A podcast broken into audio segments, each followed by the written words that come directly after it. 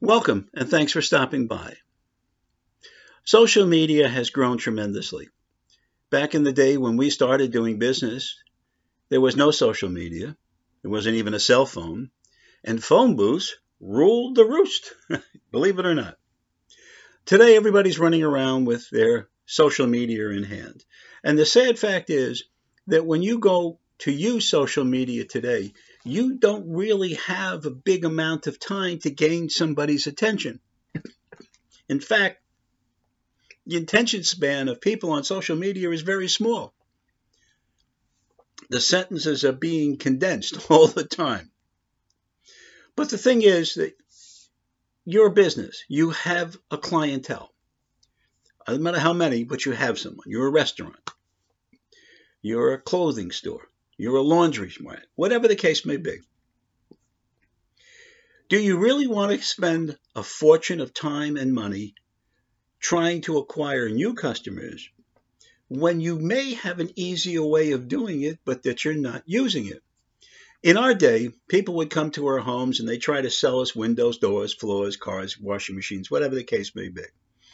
But before they left, the one thing they always tried to do is get names for referrals. Now, back then it was called referrals, today they call it networking. The referral meant someone would get on the phone and say, Mr. Colley, Mr. Kind, Mr. This, Mrs. That. I just visited a very good friend of yours and they gave me your name and number and I thanked them for permission for calling you. We visited them regarding their storm doors and they thought the deal was very good and they like us to talk to you about it. It's a more positive way of getting attention. Is it so bad?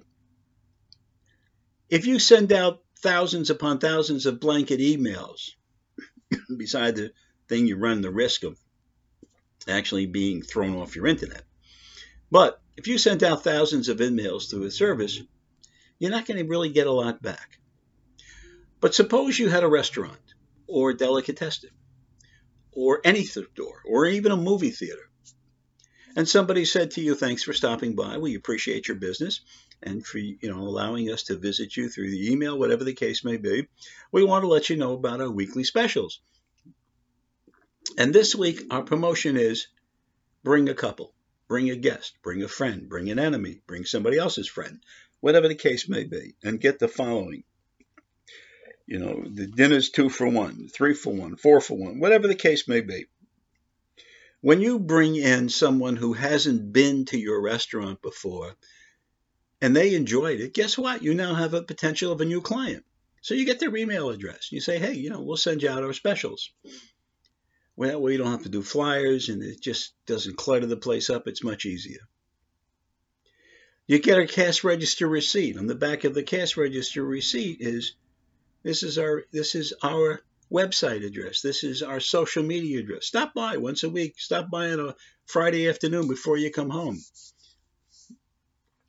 It's cold outside. It's rainy outside. Come on in, have a warm cup of coffee, free coffee, free tea, free chocolate, whatever the case may be.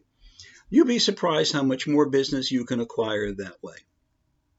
There are businesses that run a whole blog full of stuff just for their current customers about cooking, uh, about English literature, whatever the case may be. Start a group, start two groups, start any group.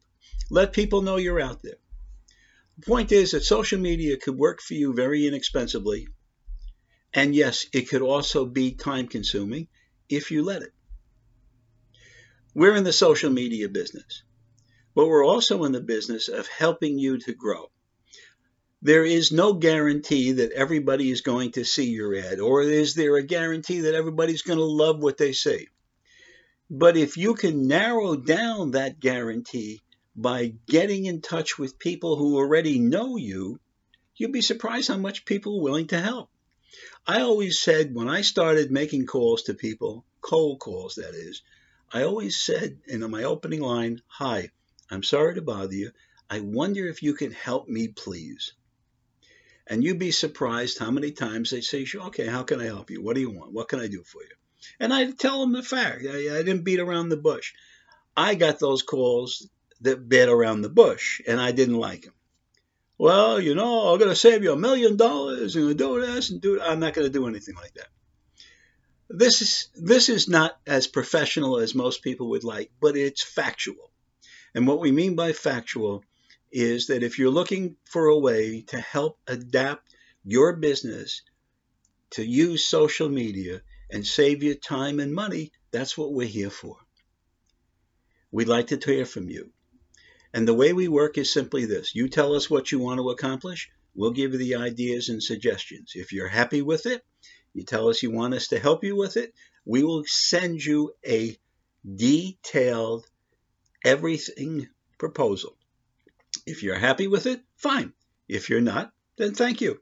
That's all. What's the worst that can happen? Maybe you'll make some more money. Maybe you'll get some more clients or customers. Maybe you'll open some doors that haven't been opened before. You never know. So visit us at http let's get social, that's lowercase, all one word, L-E-T-S, G-E-T, S-O-C-I-L, now.com. Let's get social now dot sorry, webnode, W-E-B-N-O-D-E dot com. This is free. We use a website that's free. We do it to prove a point. You can create a good website for free. Take a look at ours and see what you think. Thank you very much for stopping by, and we hope we kind of opened up some doors for you. Thank you. Bye.